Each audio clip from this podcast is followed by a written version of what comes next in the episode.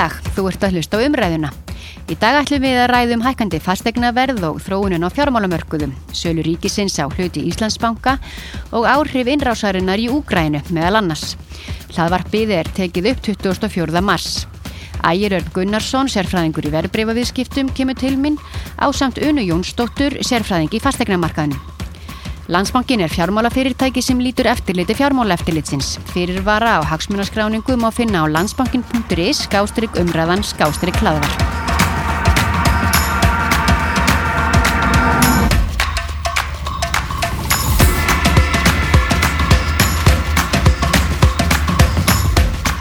Velkomin ægir. Takk. Hvað segir þú þá? Bara fínt. Egu að byrja á helstu hreyfingum og mörg, mörguðum og kannski máli málana, Sölur Ríkisins á frekari hluti Íslandsbanka? Já, við skulum bara eh, byrja á mörguðunum fyrst sko og það er svo sem að nóg að taka, það hefur heilmikið mm. gerð síðan við hittum sérna síðast, það var ekki mm. 10. mars. Já, tvær vikur síðan. Síðan, mm. Og það hafi verið, margar heldur tekið við sér frá þeim, þeim tíma -hmm. og eh, sem sagt eh, voru náttúrulega eiginlega eins og gerist oft í svona óvissu þáttum að þá eru, eða svona þegar svona óvissu skellur á að þá uh, lækkamarkaður jafnvel helst til og mikið því markaðurinn hatar óvissun eins og pestina, eins mm -hmm. og ég er oft sagt mm -hmm. uh, ef við horfum til útlanda þá er til dæmis Nasdaq vísitalan hækkað um uh, 6,5% frá því síðast. Og raunin markaði lækuð aðeins fyrstu dagana eftir að við mm -hmm. hittumst sko, þannig að frá lægsta punkti hafaði hækkað um 11% þess að Nasdaq vísitalan, hún er yfirleitt svo vísitala sem hæk, sko, sveiblast mest í svona ástandi. Eh, S&P 500 sem er svona, svona stönduri fyrirtæki og svona breyðari vísitala skulle við segja, þó að sé einhver fyrirtæki sem er í báðum hérna vísitölum að hún hefur hækkað um 4% rúmlega frá því við hittum síðast og 6 eða tæmlega 7% frá, frá lægsta punkti. Evrópa svipað það er sem sagt ykkur 6% svona meðatali frá þessum frá þessu punkti. Íslenska vísvitalan hefur vísu hækkað minna. Okay. 2,5% cirka frá þessum, þess, þessum degi en hún hafði rauninni byrjað að hækka aðeins áður og er rauninni 7% upp frá legsta punkti samt enda 10% niður frá árumátum En hvað skýrir þessar hækkanir erlendis? Nú eru fjórar vikur frá innrásinni. Já, ég myndi svona segja eins og ég talaði um aðan, talaði um óvissu.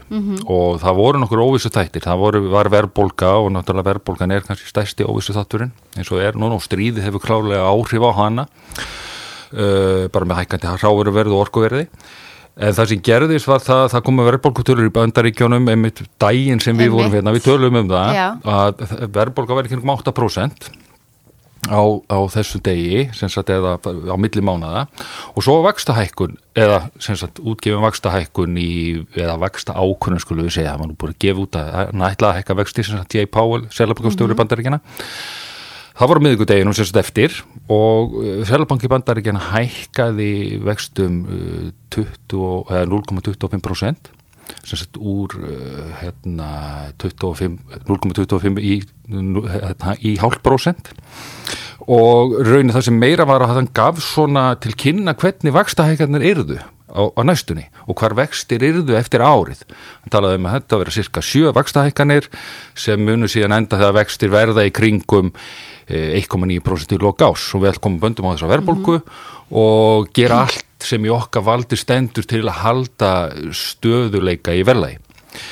Og markaður tekur rosalega vel í þetta. Hann er búið að eyða svona ákveðnum óvistþætti þannig að svona fjárfestar uh, svona fengur smá fast land undir fætun og gáttu þá meti stöðun út frá þessu. Uh, en það er náttúrulega að því sögðu, það er ennþá óviss þetta er um verðbólgu og annað en, en þetta var þessi kerði í svona markaðina áfram, myndi ég segja En veistu eitthvað um stöðuna í Júgrænu eða Rúslandi? Raunin þetta er bara við það sama Já. uh, núna eru það er svolítið sko forvitnir þetta að sjá einmitt að núna eru fréttirna þaðan hann hafi einhvern veginn minna vægi inn á markaðina því að það er svona ákveðin stöðuleiki í óstöðuleikunum Já. Og hérna fréttir af því að einhverjum mannfallið eða, eða rúsa sé að ráðast á eitthvað það hefur, hefur minni, minni áhrif heldur en áður. Það er ekki, það, það þarf eitthvað nýtt að gerast til þess að það bara að- fer eftir hvernig málinn þróast. Fríðarviðræður og, og annað. Já, það var náttúrulega bjarsýni eh, bæti þínu við eh, ofan í Sælabankastjóra umræðin og vaksta umræðina, þá voru náttúrulega friðar viðræður í gangi og mm bjarsýni með þær svona allavega framan af. Svo hefur það svona bara einhvern veginn feitað út finnst manni. En hlutabrifamarkaður Kína hefur snarlækkað, erst þú með einhverja skýringar á því? Er það ekki annars rétt saman? sko, Jú, hann hefur snarlækka og svo tekið stökk upp og við aftur. En það er bara raun að kýmur stjórnvöld hafa verið með ímis konar æfingar og það, menn segja það ég að, að hérna, verið að, að setja alls konar reglur fyrirvara laust á allskins yðnað í landinu og sem tíði það að fjárfistar eru frekar og, og, og bara hafa fylst uh, miklu óryggi með að vera um peninga þar inni. Og það er, eins og eitthvað segir, það er hægt að vera ríkur í Kína uh, stjórnvöld verður bara að lefa þeirra og hérna þetta er svolítið þannig að nú hafa hérna, kynfjör stjórnvöld stíði fram því þeir sjá náttúrulega stærstu fyrirtækin voru jafnvel höfðu lækkað um átt- 80% frá, hest, frá, því, eh, frá svona hæstu hæðum en þau eru byrjað að hækka aftur sem að, að má reykja til þess að kynfjör stjórnvöld hafa stíði fram og sagt við ætlum að styðja við markaðin og styðja við efnaðarslífið og, og, og, hérna, og fjárfæstar hafa tekið vel í það en samt sem áður þá er þetta mjög mjög sveiflukettu markaðir sem er þarna En hvað er að frétta hér heima? Það var til dæmi Salaríkisins á, á frekari hluti Íslandsbanka sem Já. hefur náttúrulega vakið mikla aðtikli og allir voru að býða eftir það er nú helst kannski uh, já, það er nú bara það helsta sem er í gangi ákveð núna og kannski best að við bara setjum fókusin á það. Já, segið okkur bara allt um, um það og það er kannski e, rétt að koma þið fram að landsbankin var sölu aðili og, og koma ferlinu svo að það sé alveg klárt. Já. Uh, það má bara segja það að ríkið náttúrulega seldi 22,5% í bankanum á genginu 117 uh, sem gera 52,5 miljardar í ríkiskassan uh, ríkið á eftir útbóðið ykkur 42% ennþá í bankanum og er þá sem sagt á ekki lengur meirluta Uh, og það er raunni stendur til að selja afgangin sérst fyrir lók næsta ás í einhvern skrefum við vitum ekki hvernig skrefum en, en, eða hvenær það er gert. Ríkið hefur skuldbundur sig til að selja ekki sem sagt hluta næstu 90 daga nema með einhverjum ákveðnum þröngum skilurðum og hérna útbóði fór þannig fram að þetta var raunin bara ákveðið sendt út uh, eftir lókun markaða og þurfti að ljúka fyrir opnum markaða næsta dag þannig að tímaramið var mjög naumur og það var bara raunin fagfjárfustum og, og viðkyndu gagnaðalum bóðið að taka þátt í þessu útbóði.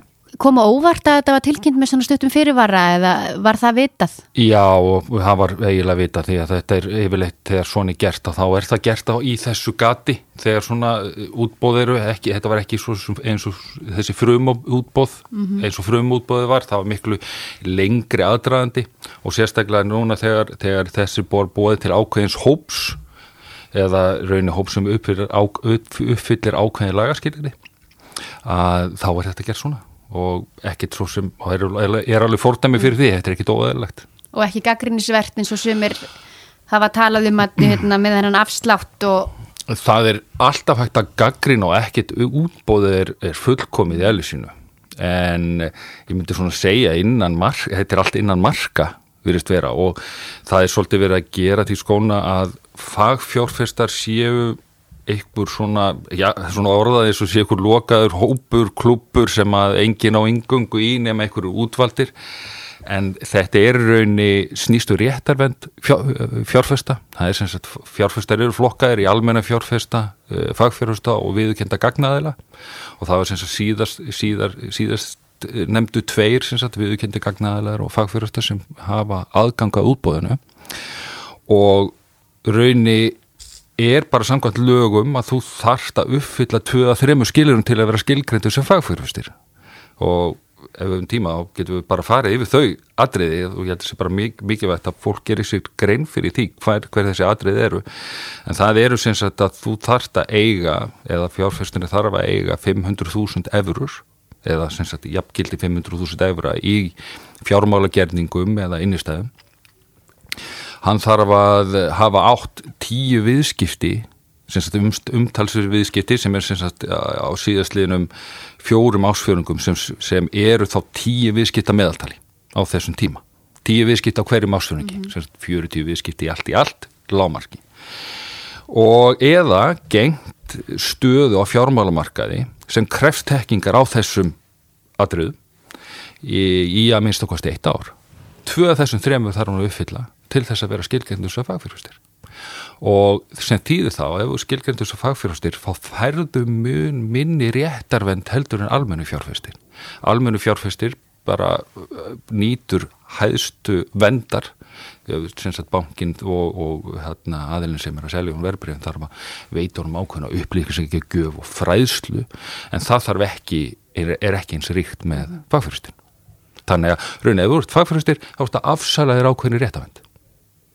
það að að snýst aðlum það Og það voru lífyrísjóðir sem keiptu mest, er það ekki? Uh, og það var umfram eftirspurn. Við, það var umfram eftirspurn, ríkið ætlaði að selja 20% af minnstakosti, hækkaði upp í 22,5 sem þýði það og það var tölverið umfram eftirspurn. Við vitum ekki hverju keiptu en það er svona or, orðrómur og haft bara beint eftir fjármála ráð þeirra, hann svona sínist að lífyrísjóðir hafi komið stert inn eins og norðaða. En hvernig kemur það í ljós? Í næstu viku. Ok og var það eitthvað sem kom þér sérstaklega óvart eða, mm. eða þér finnst áhugavert í þessu sambandi?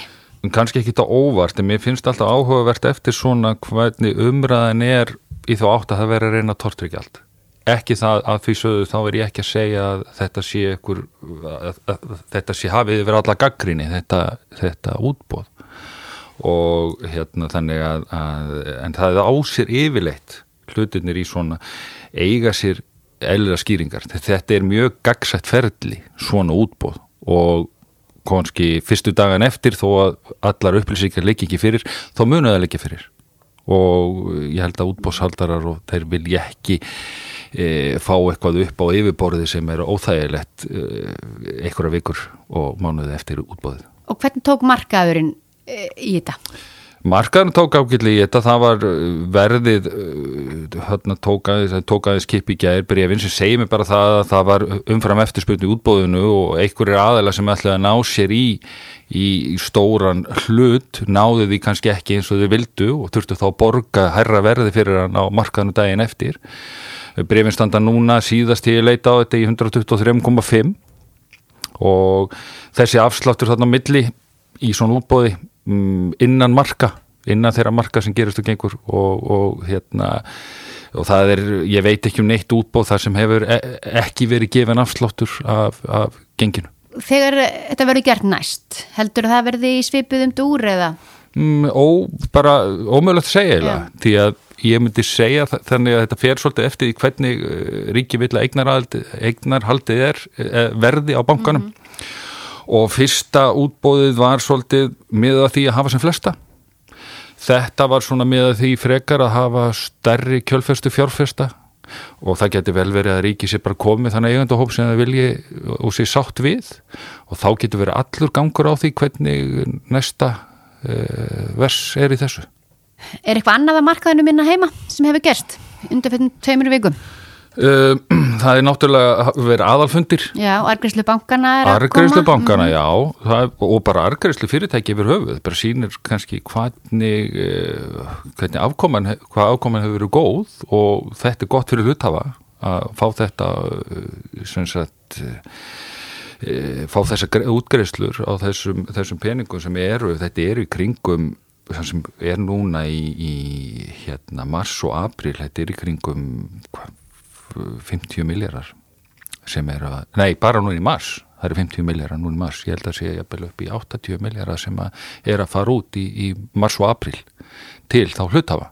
Þetta mun, eitthvað sem mun fara bara í Íslandsbanka, kaupa Íslandsbanka. Því Arjónbank er að greiða stóra, stóra aðgreifslari mitt í dag 22 miljardar eitthvað því verið vantan að nota þegar fjárfærstundu tóku þátt í, í, í hérna, Íslandsbanka útbóðinu sem eiga þá í Arjón líka af því gefnu að, setja pening þá í Íslandsbanka en eitthvað leitar út á markaðin aftur þessi peninga þurfa að komast í vinnu og það vilist vera þannig að bæði hérna og ellendis það er nóga peningum í kerfinu sem þarf að komast í vinnu þannig að til dæmis út í, breyðum okkur aftur til útlanda, Já. bara ef við tölum með þetta, að þá er cirka, sem sagt, þá var ekki könnun að Bank of America, þá sagt, uh, þeir verbur á fjárfæstingasjóðir sem er á markarum, að staða þeirra í reyðufjö hefur ekki verið hærri núna síðan fyrir heimsfaraldur eða síðan í heimsfaraldunum fyrir ekki þegar hann, ske- þegar hann skall á. Já, cirka 6% af, og það er ansi stór staða. Þetta er bara peningur sem liggur á hlýðalínun og býður eftir að komast eftir inn á markaðin og það er með sama hérna, svolítið Og hvað er svo framundan? Er eitthvað sérstaklega verðt að fylgjast með? bara halda áfram að fylgjast með öllum mörgum það er nóg að gerast er nóg, sko, ó, þó að ég segi óvis, einhver óvissu hafi verið eitt bæði með þetta útbóð Íslandsbanka hérna heima og svo hvernig það skildi framkvæmt og svo með hérna vakstahækkunum úti þá er, er ennþá verðbólgudraugur sem að, að hérna, bara svífur yfir heimsbyðinni og, og við þurfum að laga mislegt og, og, en, en hérna í sem sagt flutningskeðjum og annað til þess að hlutinni gangi almeinlega en að því sögðu þá er hagkerfi heimsins að fara á stað og á fullu og það er bara tilefni til þess að vera bjarsi út frá því. En hækkandi olíuverð og hækkandi hráfuruverð og flutningskostnaður, það, e, við hverju býstu þar í sambandi við e, stríðið til dæmis? Já, ef að það heldur áfram á þessari brauta þá erum við að sjá uh, sem sagt uh, þessa þætti uh, skrýð upp á við, eitthvað áfram. Þau er náttúrulega eins og gerðist þegar þetta kom fyrst, þá eðlilega rökuður upp fóru svo niður aftur og nú er að settast eitthvað staðir í miðunni en það er alveg viðbúið þetta ekki áfram. Þá þakka ég bara kærlega fyrir komuna og við ræðum fastegnaverðið hérna heima eftir smá. Takk hérlega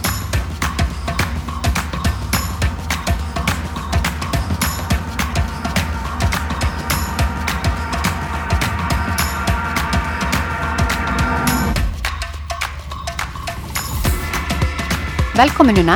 Takk. Við ætlum að tala um hækkandi fastegnaverð. Það hérna hækkar enn. Segð okkur aðeins frá þróuninni Já, og hvað er að fara að gerast. já, uh, við sjáum mér að íbúið hækka hraðar en, en uh, á fyrirmánuðum. Þannig að, þannig að hérna, aukningin er, er, er meiri. Uh, við áttum svona frekar vonað að það færi eitthvað að hægjast á. En við sáum hérna íbúið hækka um 2,5% á höfuborgarsæðinu milli janúar og februar sem að er mjög mikið. Uh, okkur fannst mikið þegar var hérna 1,8% tvei mánuðum áður. Um, þannig að það virðist ennþá vera bara mjög mikil eftirspurn eftir húsnæði til kaupa og, og náttúrulega Sælabankinni byrjar að hækka vexti en það virðist þó ekki alveg duga til að slá á þessa miklu eftirspurn sem er akkurat núna. Og þetta er eitthvað sem kemur óvart eða hvað? Já, þetta kemur svona svolítið óvart því að við áttum vona á að eftirspurnin færi svona aðeins vínandi líka bara eftir því sem að við komum smá saman upp úr uh, faraldrinum eða það er að segja þeim takmörkunum sem að faraldrin hefur sett á aðra neyslu. Að áherslan myndi þá kannski eða eftirspurnin myndi dreifast aðeins betur um hagkerfið. En það er bara ennþá mjög mikil áhugi greinilega á því að kaupa fastegnir og það getur líka auðvitað tengst því að kaupmáttur hefur aukist og, og kaupmáttur var líka aukast sérst, á þeim tímum þar sem enganislega var að draga saman hérna á svona fyrra ári, ár faraldursins og þá var til sparnaður og þessi sparnaður hefur leitað miklu leiti inn á fastegnmarka og við erum bara ennþá að sjá þessi áhrif þó við séum svona að mestu komin upp úr faraldurinu. Og hvað ætlar eins og Sælabankin að gera? Já, það var nú fundur hérna í síðustu viku þar sem að maður átti kannski vonaði þeir myndi eitthvað beita sem þjóðasvaru að tækjum eins og þau gerðu hérna síðasta haust. En þau töldu ekki ástæði til og þá, þá hefðu þess að geta hert eitthvað hérna veðsetningar hlutföllin eða, eða sett eitthvað skorður á, á greiðslubyrða hlutfallið sem þeir gerðu síðast. En þeir töldu bara að svo aðgjör væri ekki ennþá endilega farin að virka en það tók hún ekki gildi fyrir enn í desember og það má alveg vel vera að, að svo sé en svo er þetta líka bara það að staða heimilana er nokkuð sterk. Við sjáum það að, að sko veðsetningar hlutfalli er frekar látt. Þetta var í kringum 60% er með segja hans búið að lækka, ég held að þetta sé í kringum 57% þar að segja hjá öðrum heldur en fyrstu kaupendum. Þannig að um, þannig að það kannski þarf ekkert endilega mikið aðhald þar. Uh, það er bara mjög mikið hérna já, bara, bara heimilin virðist, virðast standa nokkuð sterk. Við sáum það líka út frá lífskjara könnun hagstofunar þau byrtu hérna í síðustu viku uh, niðurstur úr, úr könnun þar sem að komi ljós að það eru færri heimili sem að meta húsnæðskostna núna þunga byrði. Þannig að það segir okkur að vaksta lækkannar og ekki kaupmáttur hafa, kannski vegi upp á móti hækkandi fastegnaverði núna upp á stíkastið En kom þetta þér ekki óvart? Já, svona, mann átti kannski vona að þau myndu beita sér eitthvað en svo sama skapi þá, þá skilja alveg að, að, að það er líka rétt að stíða svolítið varlega á, á mögulega bremsuna þegar, að, þegar að það er alltaf frekar stutt síðan þeir settu síðast aðgerðir og ég held að þau myndu kannski frekar líta til þess að ná tökum á húsnæðismarkaðum í gegnum stýrivægsta hækkanir. Við erum nú þegar búin að sjá ykkur hækkun og núna þegar að spár er upp um að verðbólka sé að fara að nálga 7% þá held ég að, að uh, vaksta hækkun sé svona nokkuð óumflýjanleg. Hvenar heldur að það myndi gerast? Það eru, uh, ég held að það er núna næst í byrjun mæ sem að uh, peningastefnend kemur saman til þess að ákveða stýrivexti þannig að já það er þá og svo rönnur ákvörn í júni og það er bara spennandi að sjá hvað gerist þá. En hvað er að frétta af íbúður uppbyggingu? Já, við sjáum að það er bara mjög mikið í byggingu uh, og, og hérna, mjög margar íbúður sem að komu inn nýjar á markaði fyrra. Það voru yfir 2000 talsins á höfuborgarsæðinu og hafa, held ég hans tvisvar verið fleiri sem kom inn á einu ári. Þannig að það er mjög mikið af nýjum íbúðum. Svo líka mikil aukning á þeim fjölda íbúða sem eru í byggingu. Þær eru núna yfir 3000 talsins eða voru það um síðustu áramót. Jukust um 22% milli ára þannig að það er mjög mikið verið að byggja en eftirspurnin er alltaf bara svo svakalega mikið akkurat núna. En það er eftirspurnin sem gæti eitthvað breyst á næstunni. Það breytir því þetta ekki að við þurfum að byggja íbúðir. Það er náttúrulega, við sjáum fram á, á mikið streymi fólks sem munum flytja hinga til lands þegar þessi mannafsfregu atvinnugreinar komast á flug, það er tala um ferðarþjónustuna Eh, þannig að það þarf sjálfsög að tryggja að það sé nægt húsnæði til staðar en hvort að það skapi þrýsting á, á íbúðverð eins og eftirspurna hvetjandi aðgerðir uh, selabankar skerðu á svolítið eftir að koma í ljós En heldur að íbúðaverði þá eftir að jáfnvel hækka enn meira eða er, er hámarki náð hvernig heldur að þróunin verði? Já, við sko, ég minna við spáum því í hausta herrumarkinu væri náð þá, svo hækkaði ennþá meir ég veit ekki, maður verður bara ég held að það kemur að einhvern þólmörkum mm -hmm. það er bara hækkanar eru orðnað það miklar að það hlýtur að fara að hæja á þeim. Ég er ekki að segja íbúðverð muni lækka. Það verður bara svona aðeins, aðeins rólegri taktur. Svona hæja á hækkununum. Já, það er í rauninni bara það getur ekki annað gæst en að það fara, íbúverð hækkar í, í, í misrætt. Við vorum síðast með svona upphækkuna eða svona, svona, svona mikið tímabil verðhækkana hérna árum 2016-17 svo róaðist það eins og við erum bara svolítið á, á svipum stað akkurat núna nema kraftarnir eru aðeins aðrir. Núna er þetta vegna uh, eftirspurnar sem að jógst mjög hratt. En uh, eins og ég er búin að koma inn á þá hefur Sæðalbankin ákveðin tæki til að slá á þá eftirspurn. Og tekur bara svolítið tíma. Við erum svolítið í þeim fasa akkurat núna. En þú myndist nú aðeins á ferðarþjónustuna og Íslendingar fóru margir til útlanda í februar sem sérst nú í kortaveltu í februar. Segðu okkur aðeins frá því. Já, það er nefnilega máli. Við erum eiginlega alveg jafn fljóta að fara til útlanda eins og túristar að koma til okkar.